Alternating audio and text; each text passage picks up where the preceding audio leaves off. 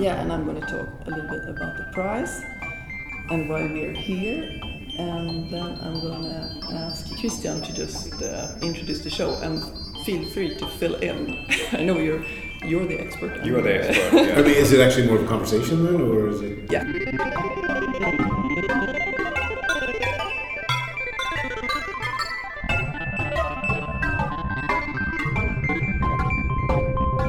Hi, and most welcome to Akademipodden, the podcast of the Young Academy of Sweden. The Young Academy of Sweden is an independent interdisciplinary forum for a selection of the most prominent younger researchers in Sweden within all disciplines natural sciences, humanities, medicine, and so on. It was formed in 2011 at the initiative of the Royal Swedish Academy of Sciences. My name is Annika Moberg, and together with us today we have Academy member and theoretical physicist Sheldon Cooper. No, I mean Professor Christian Forssén. Hi, Christian. Hi, How are you? Annika. I'm very good, thanks. We are also very happy to introduce the science editor of Sweden's largest morning daily, Dagens Nyheter, Maria Gunther, also a physicist, right? Yeah, I used to be at least. Yeah. Hi, Maria. Hi. And we are also so delighted and honored to welcome David Saltzberg, professor of physics at the University of California, Los Angeles, and the very first awardee of the Torsten Wiesel Midnight Sun Award. Oh, it's great to be here. Uh, is it your first visit to Sweden? No, I was actually in Sweden once before for one of the Nobel uh, symposia. Oh, In that- yeah. in that case, it was on neutrino astronomy. Okay, uh, we're sorry about the weather. It was like California at the beginning of this week, but now it's Sweden again. I'm sorry. Well, two summers ago at this time, I was in Greenland, so this is actually a nicer. Oh, It's an improvement. great! yes, and about the award, Professor Saltzberg is here to receive the Torsten Wiesel Midnight Sun Award for distinguished achievement in promoting science uh, from the Nobel laureate and Young Academy of Sweden's mentor, Torsten Wiesel.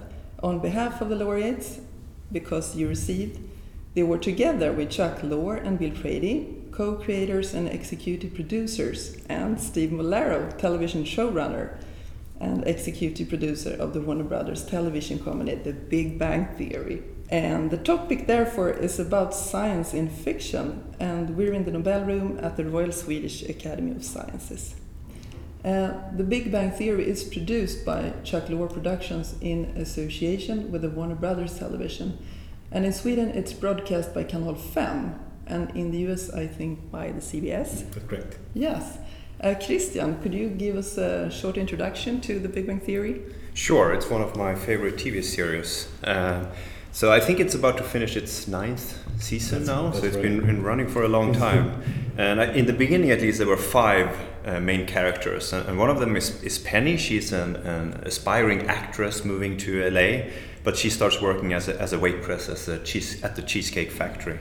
And the other four main characters uh, in the beginning are, are all scientists working at Caltech. Uh, it's Leonard and Sheldon. Uh, they both share an apartment across the hall from, from Penny. And they are both physicists. And then there, there are friends, Rajesh Koothrappali, who's an astrophysicist, and finally the engineer, Howard. He's the only one without a PhD degree.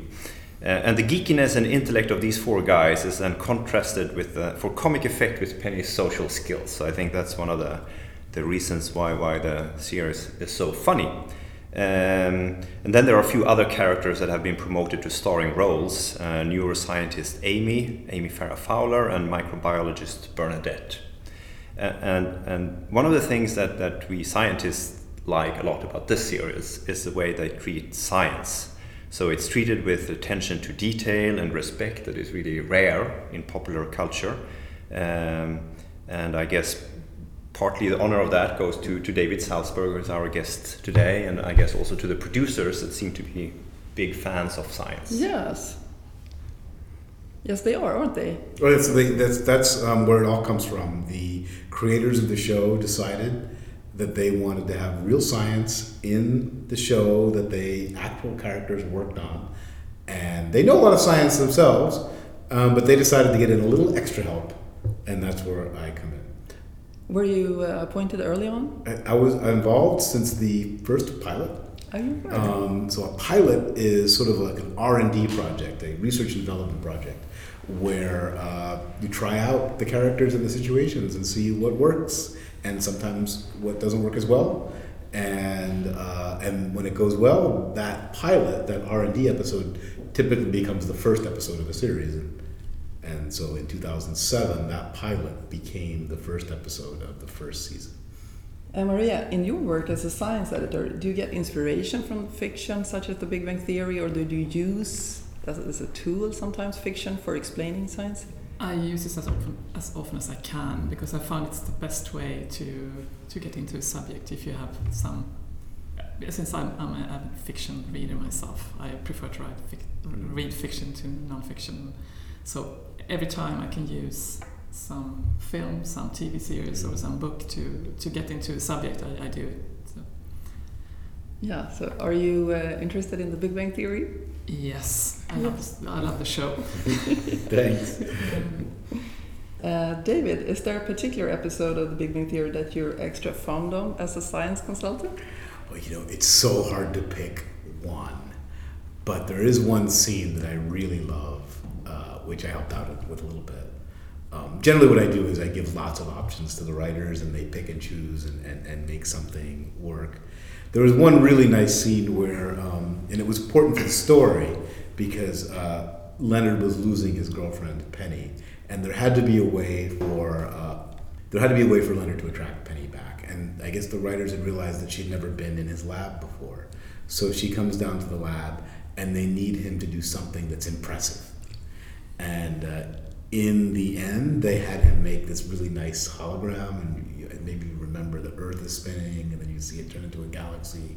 And there are some poetic words that are based on uh, holographic theory, um, the idea that uh, a surface can be can encode all the information of a volume.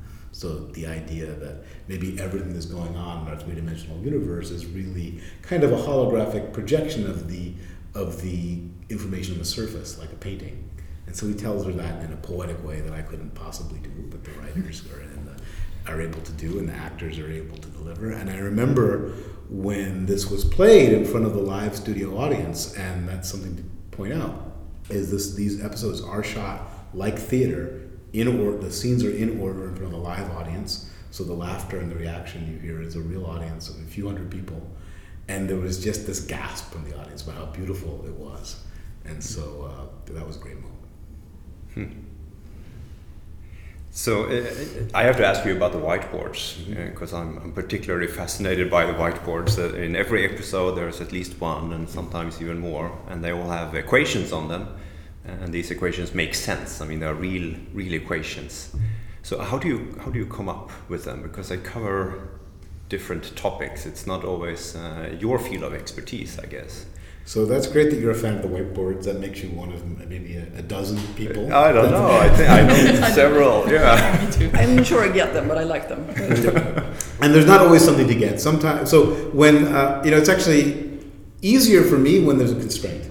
So if the episode has the uh, this the, the boys talking science in their apartment, or if they've been speaking with their girlfriends about science, then it's natural it would wind up on the whiteboard. So there it goes. So for example, when they were uh, working on um, this three-dimensional uh, gimbal where things are turning around, you would describe that using the Euler angles. Mm-hmm. And so there's a lot of information written down in terms of the Euler angles there. So people would under, it would just be natural that they would be using it. It isn't really a joke. I mean, I try not to make. I don't think I want to make jokey whiteboards. I think the writers and actors are perfectly capable of of making jokes.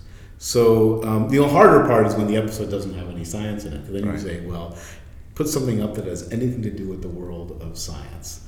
Sometimes it will be some recent thing that happened in the news. So most recently, uh, gravitational waves showed up. Right. And in fact, also they also showed up on Sheldon's T-shirt, by the way. If you're if you're paying. I attention. did not pay attention. The T-shirts are wonderful. Yeah, the T-shirts. T-shirts are, are not always that connected to science, but in this case, uh, it was.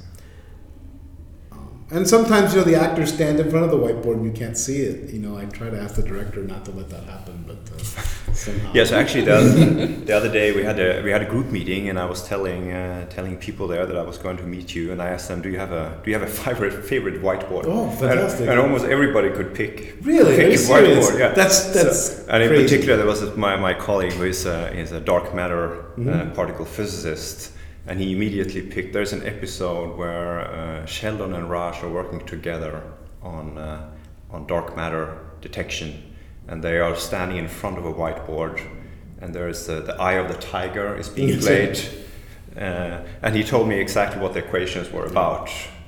And that these are the equations that I, I use in my daily work. Good. so- But the point is, they're not jokey, and I, I find that distracting if I'm watching a movie. Sometimes the white blackboards or the whiteboards will be kind of jokey, just stuff that would never be um, on the board, just really joke, and so we don't do that. Maria, do you have any advice for scientists who to find a story in their work, perhaps to help them when they contact you and want to interest you as a science editor? Uh, well, to find any story is good, but for my experience is that most scientists don't uh, find it very difficult to find stories. So maybe we can work on it together. But I mean, um, uh, you can sometimes you can find a story in the details, or where if you got your idea like 20 years ago in Botswana, please tell me. Then I can use it in my article and make it a better story. Even if it's you don't see it as related to your, to Hmm. your results, it's, it will make it, make a better article if I get details like that. So, uh, yeah, okay. Uh, do you have a favorite whiteboard, by the way? Or a favorite episode, perhaps? Um, well, I have a favorite quote from Sheldon Cooper. okay, which one is it? It's, uh, I'm a physicist. I have, I have, um, I have a working knowledge. I have working, working knowledge of, uh, of the entire universe and everything it contains. That's my favorite. That's very humble. yeah, but the, the response from Penny is an even better. I I, forget what she says. so she she Yeah. responds, "Who is Radiohead?" and then he gets completely quiet, and you can see it starts twitching in his eye. And I mm. think he says, "I I I know about the important things," something like that. yeah. yeah. And actually, after, I, I wrote an article about this on Sunday, and one of the comments I got from one of my friends, who is a librarian and is really the biggest fan of the show I know, she introduced me to the show, and she said, "Well, I had, I had no idea there were real formulas on Oh, really? whiteboards." Yeah. So she was very impressed because she had never thought of. She thought it was just scribbling. Yeah, it really adds to the series that you know that it's for real and Yes. you can actually learn things. And even if you're not a physicist, next time someone mentions Schrodinger's cat, if, at least you've heard it. Yeah. It's, a, it's a fantastic way to play science in the living room. And I think maybe it also, I think, the actors appreciate that they know all the words they're getting are real and, and that the stuff around them is real. I mean, they're such great actors, they could do anything under any circumstances, I'm sure. But it's just one, you know, when you're trying to just make play make believe, um, it probably helps to have all the details in. But really, this is a credit to the creators and the executive producers who are co-named on the award because it's pretty easy to do what I any just about anybody from the sciences could do what I do. Uh, we just have Not to. so I, ju- sure, but- I just have to tell them the truth. They're the ones who have to make up something uh, untrue and make a real story out of it. so you tell me, or you told us earlier about jokes. Have you tried to pitch a joke? Yeah, I learned quickly that um, I thought I could, you know, you know, I think we all think we're funny, and you know, among our friends, and tried to pitch some jokes, and you know that face you get when you're like, that maybe you give other people, like when you're in a cocktail party and someone has um, their particular theory about gravity that they want to tell you about over a drink. And, uh, Everybody's you have, nodding. You have probably a good practiced, polite face, and. Uh, the writers are great, but uh, I think that probably I was getting that face. so it's better I stick to the, To the science. science. Uh, And anyway, if I tell if if I were to uh, tell a joke, it would probably just displays a funnier joke that they would have. So it's better not to. So, what is TV production like? Are there any parallels to, to science work? Oh, it's unbelievable. I noticed the first thing I noticed was how similar it was to doing scientific experiments. This um, all takes place in a soundstage. They almost never leave, even when they're the little secret, even when you think they're out of doors and on a roof or something and there's a little bit of wind. That's really, you know, there's somebody from production with a fan that's blowing plants around. So most everything is done inside this soundstage, which is a giant concrete box, which is very familiar to us uh, as what we would call high bay. And that would be, for example, the kind of building that a particle beam would come down. And so what we do in, in my field of particle physics is we scramble and get our experiments ready, and then the beam comes for as long as it comes, and you better be ready. And when the beam is there, you're going to take your data, and that's it. And so it's a lot like the cameras are coming. So um, uh, uh, you have to be ready. And even the, then, and then there's the positions. You know, there in a scientific experiment, you have a principal investigator who often has the creative vision for the show, which would be the executive producers and showrunners of the show. And then there's another very valuable person that just makes it happen, um, which uh, would be in the scientific experiment the uh, project scientist, the lead project scientist, which uh, at least in our show would be called the line producer. It might have different names in different shows. So the, the general organization uh, of all of it is very similar. It is. Um, it's kind of surprising, I thought. What what they do better than us is the schedule never slips. Uh. They are always ready, probably because this really matters. So the way that uh, that science is portrayed in the series is, as we have discussed, I mean, really uh, sincere and, and, and, honest. Is that you think unique? And maybe that's a question to, to both of you here uh, in fiction that, that you do use science with, with so much um, care. I think, for example, there's been a, a, number of movies coming out lately, like Interstellar and The Martian, where, where science is sort of playing a very important role. Do you think that's a new trend that is coming, or? I certainly hope so, that it is a new trend, because um, if you know science, you get really irritated when it doesn't, when it's not correct. Exactly. So, what do you think it brings to the to the story to really portray science uh, accurately? Well, I'm actually a fan of, or was a fan of Breaking Bad. Mm-hmm. And uh, I was actually talking to one of the production assistants about that show. Where this is a show where a high school teacher decides to start making methamphetamine mm-hmm. and uses chemistry. that that pilot is amazing.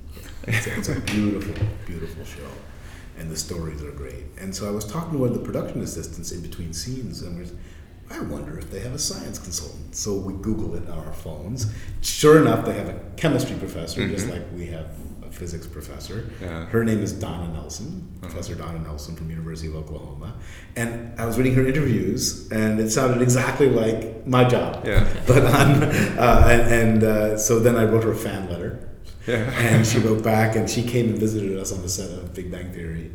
Um, so that was a lot of fun. And I know another show called Numbers where they do something similar uh-huh, for math. Right. Yeah. And uh, medical shows have been doing this for a long time. House uh, has a, uh, a physician. So uh, I think if it helps the creative process, that's yeah. great. Yeah. You also, um, it's a creative decision.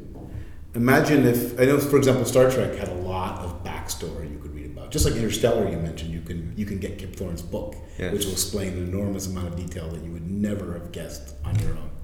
And Star Trek is similar. But on the other hand, what if someone said, "Well, there probably is no such thing as warp drive, so we're just gonna like have about four thousand episodes of them just going between planetary systems. that would be that would be rather dull. Yeah. So you know, you don't always necessarily want to be perfectly accurate. No, it's it's fiction. It's not a documentary, right?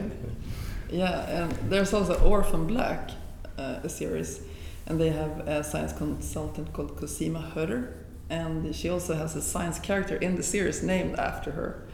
But that is, uh, I think about genetics. They're um, making human clones, and it's it's really exciting because there's one actress who plays I don't know how many roles, and she said something like this. Uh, their science consultant that they have this kind of fictional concept of scientists that they're either quite sinister mm-hmm. or stupid and naive or they're somehow completely neutral.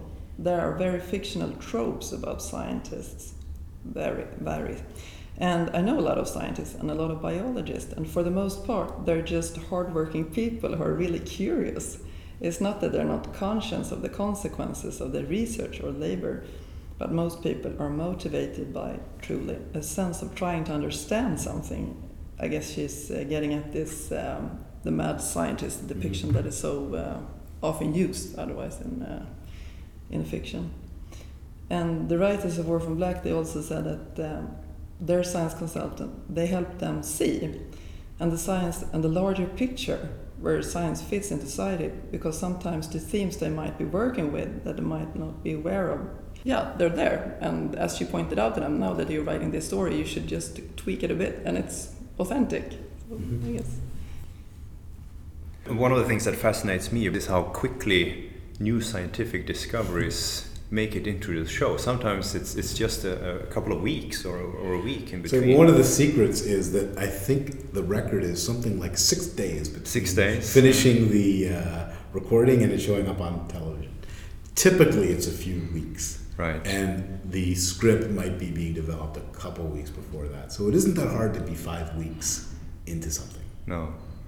Okay, so but let me ask maybe a, a specific uh, uh, episode, and if you can explain how that actually Okay. happened. So there, the, in the in the seventh season, there's one of the episodes that starts with with these guys being in the cafeteria and discussing a recent major discovery in cosmology.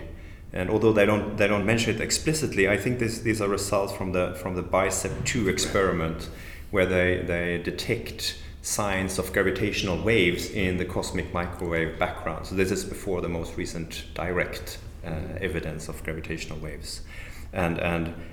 And, and this all leads to, to Sheldon getting into a bit of a, of a crisis Mhm. because his field of study, string theory, has not resulted in anything for 20 years, anything of this, this scale. And, and the episode itself, I checked it online, was, was aired on April 10th, 2014. So just a month after this discovery was. fast. Uh, and this actually played then, a, I, I would say, a major role in, in the storyline. Right, I'm sure that the idea that Sheldon wanted to do something different, if that's something emotional about the character, Mhm. that comes totally from the writers. I Right, don't have sure, anything sure, to do with of course. And so there just would have been a hole to fill Yes. about what he- Sheldon might want to do. And actually, I felt a little, actually, subsequent to that, I felt a little bad that we didn't choose him being interested in gravitational wave detection since uh, about a year later that, uh, That was discovered. Yes. Um, the uh, that that discovery from the BICEP experiment uh, was something called B mode polarization, which is a certain kind of swirliness of the direction of electric fields on the sky. And the measurement uh, was completely correct, but the interpretation turned out to be that uh, it incorrect, and it turned out not to be evidence Right. of gravitational waves. And so I think we even had, at least on the whiteboards, perhaps in the dialogue, walk that back once we knew Yeah. that had changed. Pretty cool. yes really And actually, one of our Academy colleagues, uh, Marie Dacke, has one of her scientific discoveries appearing on the show. She has been studying dung beetles, uh, and it, it's being mentioned in one of the episodes about dung beetles using the, the Milky Way to navigate when they roll their dung balls in straight lines. And of course, we other members of the Academy are extremely envious for Marie for making it into the Big Bang Theory. It probably helps to be working with Dong. Yeah, I think so too. Perhaps also being awarded the Ig Nobel Prize was helpful. so, so, what about you, Maria? Would you like to be a science consultant? Oh, I would love to if I could, but I don't know if my scientific knowledge is big enough. But it would be, uh, well, the best job I could think of. Yes. Well, of course, I don't know everything off the tip of my tongue that they ask me. Luckily, most of the questions come by email, and so I have time to think and learn a bit about it. And what's nice is then, like a month or two later, I'll be having lunch with some physicists, and a topic will come up, and I will be surprisingly informed, and I won't let them know that was because of a TV show.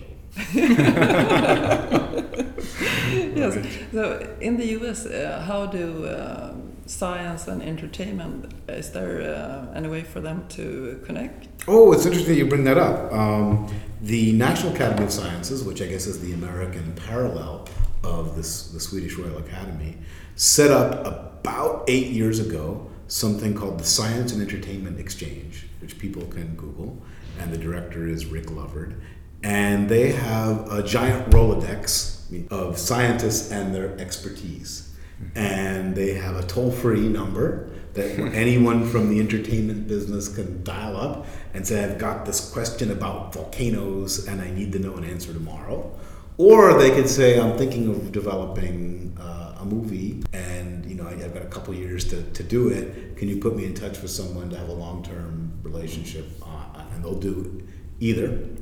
And uh, so they've taken a lot of the haphazard nature of the way uh, productions will connect with scientists, which is, and I was connected through a friend of a friend of a friend of the executive producer. Now it's a, a bit more systematic so that people, creative people, can uh, get right down to the expert they need.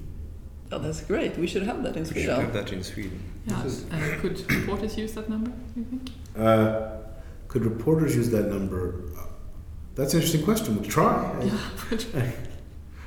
Um, probably, especially. I mean, it, I mean, I think certainly it's still part of entertainment. It's informing people, but it's also entertainment.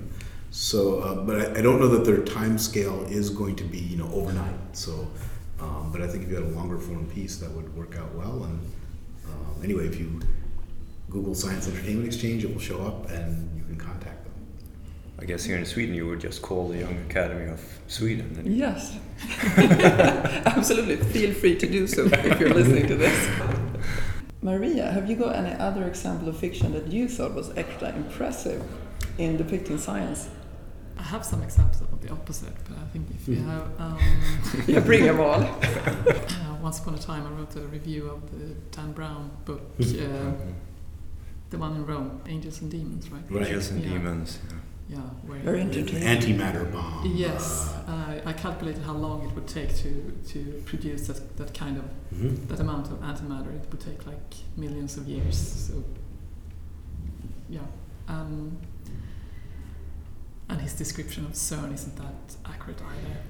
No, isn't it where they, they uh, there's a scene from the control room, and it's right in front of the beam. I think you see the you see the actual detector. I think it's Atlas detector through the glass windows of the control room. It's interesting. I just read the book, but, but and they also use the LHC uh, in in. Uh, there are two scientists who use it at night when nobody notices to, do- to do their own an- antimatter. no one knows what they're doing. And it's like, Right. well, yeah, no. No, that's actually a, a good bad example. I would agree. So, did you work at CERN or? Well, but, yeah, I did my PhD in Uppsala, and then I, I uh, did experiments at CERN. Uh, so it was like one week every month for five years. I was at CERN, and well, I, I, I was for half a year. I stayed in Geneva and worked. I should say though, I had when I was growing up, I had fun, you know, with my friends talking about things that were on television, say the original Battlestar Galactica or something, like and and finding cases where they used the wrong word or did something wrong. And it was a lot of fun to discuss it. So, um, if the science was all 100% accurate on television and movies, there'd be nothing for young people to talk about. That's true. So I think it's okay to have a few errors. Yeah, my oldest son, he actually looks things up a lot. Oh, that's great. So, uh, Does he sit with a laptop while he watches television? Yeah, That's what I hope. absolutely. And so we get these words out there like, you know, superfluid helium Yes. and vortices and, and hopefully uh, people are Google Googling that especially and- young people. Yeah. Star Trek sometimes disappointing because uh, Vicky just says, "Oh, this is a Star Trek makeup uh, thing." I know what happens because there's actually a website called Google Trends, and the first time the show mentioned Leonard Nimoy, that spiked Wow. enough Right. to show up on Google Trends. So when he got the the Christmas present or Yeah, that's, that's the first time they mentioned him, right? Was it a napkin? And it may be that the, the audience is so young they didn't maybe know who Leonard Nimoy was, and so it spiked on Google right right then. Yeah, but the show has had so many great cameos. Also, yes, it's amazing. And, it- and it's I think the Have you writers are just having a great time thinking who they want to meet and putting them on the show. We've had great uh, science uh, um, cameos too. I, that's how I met Neil deGrasse Tyson. Yeah. It's how I met Bill Nye the Science Guy. so Brian Greene was there plugging his book. Um, oh, and I met Stephen Hawking, of course, Oh, you did? because of because of this. For the most part, though, um, if you are called on for a cameo of the show, they'll probably make fun of you.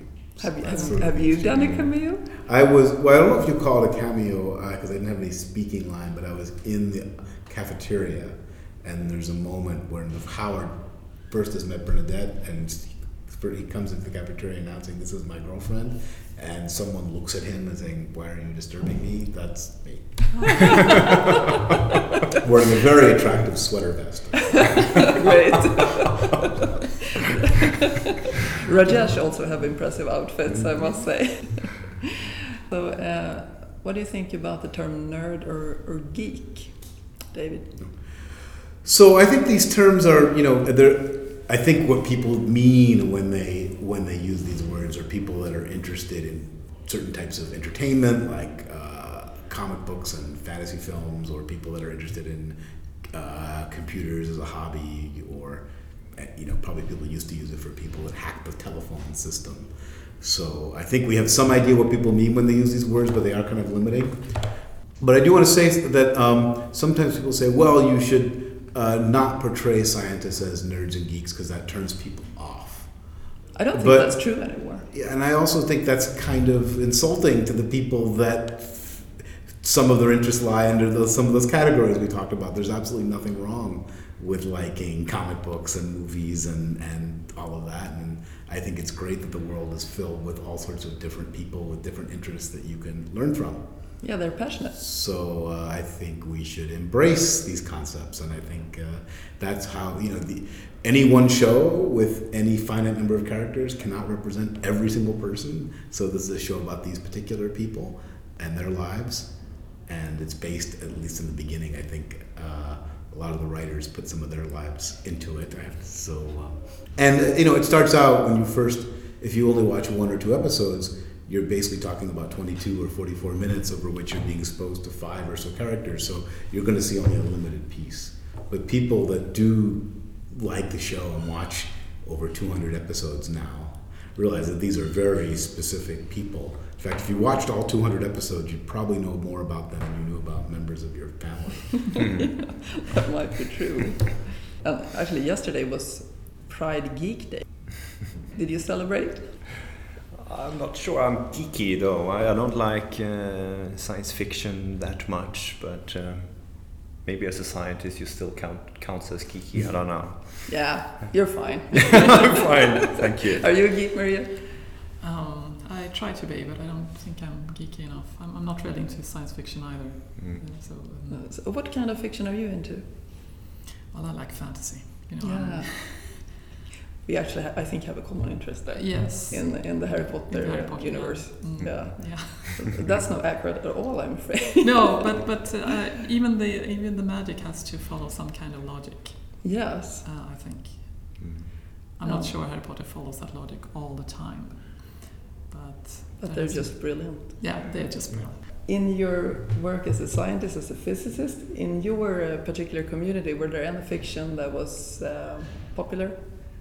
Well, um, when I when I, when I worked as a scientist, Yeah. it was a long time ago. Or perhaps not. no, perhaps not. You're Um, too busy working. You too, yeah. Yeah, working. But I have seen at CERN, they do rap songs yes, and they have and made zombie movies. Yes, Zombie zombie, movies. movies. Yes. That's, the, that's the only zombie movie I've ever watched. Uh, I would never watch another zombie movie, but when, you, when was they make so a zombie scary, movie, I and suppose, that's- yeah. but sorry, It was so scary, I suppose. it was a bit scary for me. I'm very zombies are scary. yes. Yeah, David, you work at CERN. Did you uh, act as a science consultant for the for that zombie movie? No, I, I, I know the rap video you're talking about. I don't think I know the zombie movie, I'm afraid. It- It's, I think it's made by students at CERN. Yeah, I think it's made by students Um, at CERN. The LHC turns people into into zombies, but the uh, director tries to. he tries to. Uh, they, they, they don't want to. They want to cover up They want what's, to- hap- okay. what's happening. but uh, at Stay the end, secret. everybody at CERN is a zombie. It's a zombie. It's the big secret. Now it's out. Yeah. Yeah, I have to ask you, uh, David. Do you have a whiteboard in your office too? Yeah, sure I do. Yeah. Yeah. Except, and it's something I actually pointed out to the sets people. Is in fact the way a lot of scientists use the whiteboard is we kind of don't bother erasing and just choose another color. Exactly, right on top. On top of it, but I think it doesn't play well on television, so they actually erase their board each Right. week and put new stuff up. exactly. Well, so I also have a, I actually have a blackboard. That's another discussion one can have among scientists if you prefer a whiteboard. There is a blackboard in the early seasons uh, to the left of the refrigerator. There was a blackboard that used to get some writing on it, and Roger's apartment used to have blackboards in them. I see. Um, I'm not actually sure why these have started to disappear, but uh, if you look at the earlier episodes, you can tell. I see. Well, the th- a funny thing is when I have a visitor coming into my office, uh, a visitor who's not from the physics department, they typically stare at, at the blackboard because it does have equations on it. And then they say, oh, this is just like in the big Yeah, no, really, that's funny. Actually, in my work for the my previous employer, the Royal Swedish Academy of Sciences, always when we had math conferences, we had to have blackboards. That was really important to them. Not whiteboards, had to be blackboards. Uh, uh, preferably blackboards, actually. But do you have them at home? I just like Sheldon and Leonard. No, I don't have it at home. I actually had one at home, but, but it was getting used just for grocery lists and things. and we have that too. There are piles of. Actually, this is interesting. That's something we don't actually have on the show. Is that my house would have piles of paper with scribblings on it that you would find on the whiteboard. They do have notebooks, so you can't quite see them in the camera. But if Yeah. if you were walking around the set, you would see they do have notebooks filled with equations and formulas Uh-huh, and things okay. like that. But Yeah. I don't think you can ever see it from the uh, camera. No. So uh, I think maybe we touched upon this, but on the set, do you get to meet with the actors? Are you often on the set? Yeah, so I, I come to just about every taping as much as I, I can. There's like it's one night a week. They put on a play for the audience, and uh, it's put out in you know in each scene in sequence. If there is a lot of science going on, I will try to make it for rehearsal during the week, especially if there's something where one of the actors has to do something. Um, and so especially during rehearsals, it's a workplace like any other, and the actors are working on uh, are working on the factory floor just like everyone else, and so they know everyone, everyone knows them, um, and so it's it's uh, it's quite friendly actually with the, with the actors. I think they're working very hard the night of the play, the night it goes on. So I try not to distract them, and they're thinking a lot. But and after the show, there's a little pizza party where they hang out and talk to. Just like they do. That's right. As if they hadn't had enough takeout food during the show, which is all real food, by the way, prepared by the prop master Scott London. He uh, used to be a chef. In addition to doing things like when they do the robot war, and there's, he makes that robot. Uh, there was he made the integrated ion trap and mass spectrometer. He made the space toilet. He makes the food that they eat, and they, the you may not notice, but probably more. These people eat more than just about any other sitcom. I see. Yeah, so it's the ninth season now, and in Sweden we have not quite finished it yet, but I think you have in the US. We just finished it last uh, earlier earlier this month, so you're not that far behind. Oh, oh well, we're excited. Uh, will there be a tenth season? Yes, there's a tenth already uh, on the books, and the writers, as far as I know, are thinking about the stories already. So it just keeps going, Yeah. and I'm just amazed that the writers never run out of ideas. And each season to me seems really fresher than as fresh as it could be, and so. Uh, it's astounding. I don't know Yeah, but, but science, I mean, what an enormous library to dig from. Since this last season, the one that you're currently watching, season nine, is the first time we've had sort of a science arc. This whole story of the idea about liquid helium as a model for the vacuum of the universe, and that they go and do it, and then they run out of liquid helium and have to go meet a guy.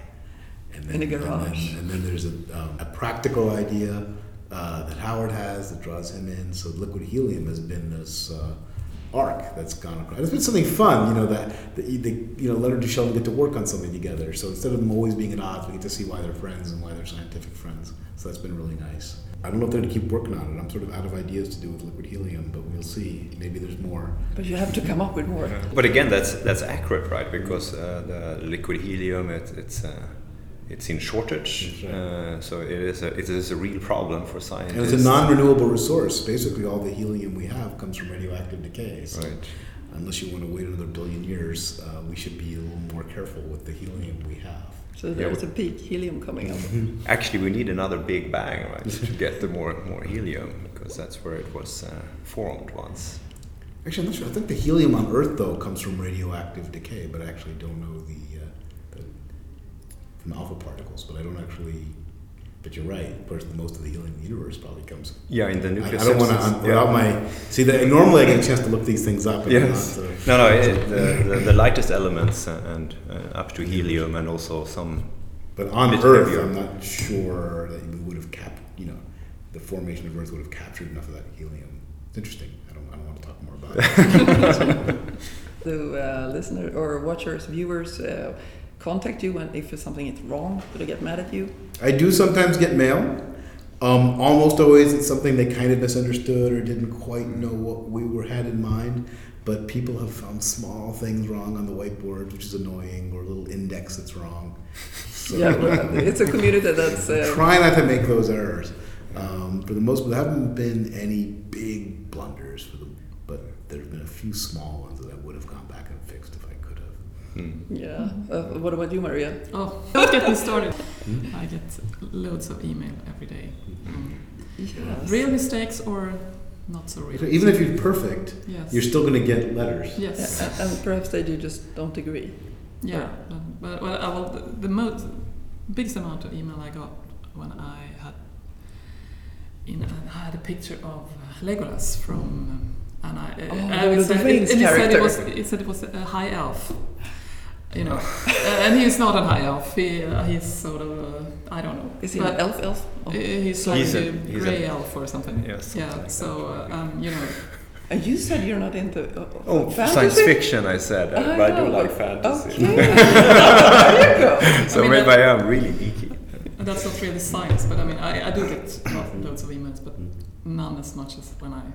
When you'd made that mistake Yeah. about what kind of elf he actually Yeah, is. and it was just it was just a small, small image on. on You would never do that mistake on Harry Potter, right? uh, uh, no, no, no, I thought I was very, uh, I was kind of into Tolkien too, but um, I didn't know the genealogy of Legolas, but I do now. I have. Perhaps you need a science consultant for this. uh, a fantasy For- for consultant. It's a great story. Maybe that'll wind up uh, somewhere. Uh, We're just talking about baseball. Are you a sports? It's not a hot topic here. Are you a sports fan? No, no. Sheldon knows a lot more about sports than I do. I thought it was great that they had him. You know, they always go a direction you would never think of. You think, oh, well, Sheldon's not going to do anything about sports. But then the writers realized, no, he loves rules. And he's from Texas. Of course he knows all about football. Yeah. and so that's that's what I mean. I just don't want to get in the way of the writers. You know, just let them let them be because they're going to come up with so much any some always something better than I ever could have thought of. yeah. Yeah, in a recent show I saw they went to a sports bar. The show has been visited by a few LA Lakers. Oh, okay. I haven't seen that. Uh, No, just just behind the scenes. Ah, Just hanging out okay. Do you bring your students to the? Yeah, so uh, what I often bring physicists to the show. Yeah. Uh, sometimes it's a student, Uh-huh. and uh, last the last episode was a, this year's Nobel laureate uh, in physics, Art McDonald, Oh, okay. one of the Nobel laureates. So yeah, it goes from students to Nobel laureates, and Mhm. one of the writers called this person who comes with me the geek of the week. The geek of the week. Did you meet this physics laureate, Maria?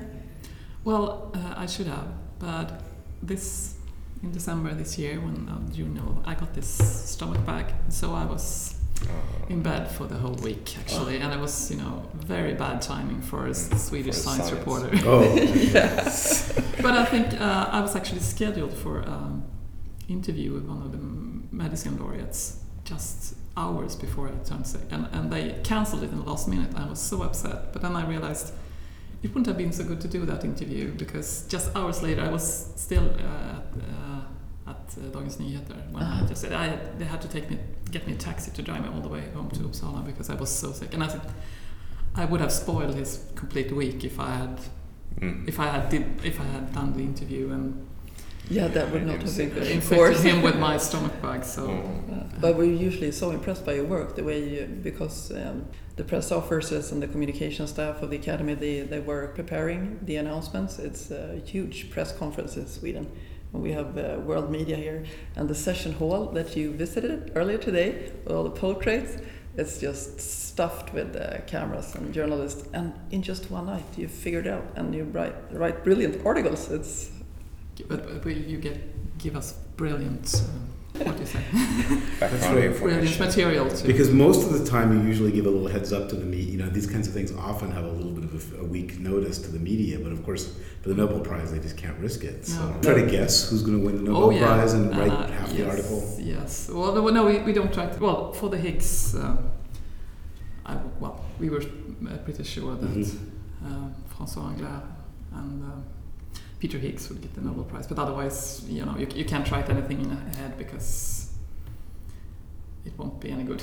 you will be wrong. I've been wrong in all my guesses Mm. so far, apart from Higgs. Yeah, but there are speculations. Oh, there are lots of speculations. and hot areas, obviously. Yes, So. yes. And we usually have, well, you are not allowed to say that, but we are betting in, in the office um, Uh, betting who will get it. who will get it. Yes, Mhm. exactly. I must say for Dagens Nyheter, it's uh, unique in that you have several science editors, and uh, it's a sign of quality. It's, Uh, well, I used to be alone, Mm. uh, but anymore, no. now I have a medical reporter too. yeah. It's- So while you cover the the physics prize and the prize in chemistry, and the, she will cover the medicine prize this year. yeah, Mm. uh, on on the other hand, the prize in literature. Yes, I used to say I have. I normally I cover three prizes alone: Monday, medicine; Tuesday, physics; and Wednesday, chemistry. Chemistry. And then on Thursday, when the literature prize, they have this whole. There are like thirty journalists covering it. Mm. So I think it's not really fair. the science prizes are the most important to me. Mm. It was really great to visit that hall. Of course, I've seen it on YouTube year after year, but to actually walk in there was really special. And I got to see a wall that you never see. Yeah, Because there's a wall back that's wall. must be filled with the cameras, and it's actually in real life. People don't know. Maybe it's filled with amazing portraits back to the 18th century. So it's a Yeah, the- beautiful room. The history is amazing. It really is. Okay, I think we're about to wrap things up. Uh, I just wanted to say that uh, about Young Academies, if you're interested in learning more about the Young Academy movement, Bruce Alberts, famous biochemist and former chief editor of Science, has written about it. So hit Google and search for his name, Bruce Alberts, and the Young Academy movement. Or you can see photos and read about the worldwide meeting of Young Academies that we arranged here in Stockholm together with the Global Young Academy last year in November on our website sverigesungaakademi.se. And also tomorrow we throw a seminar with David, Maria and Christian and also Christian Vikander from Swedish Public Service Television about science in fiction and we are will film it so that you can see it afterwards if you like. Do you have anything else? No. To end, no. Thanks for good. Thanks for thanks having for having us. This was really a lot of fun. Uh, dear thank you to our listeners, and we cannot begin to say how happy we are that David and Maria joined us, and thank you, Christian. Till next time, take care. Bye.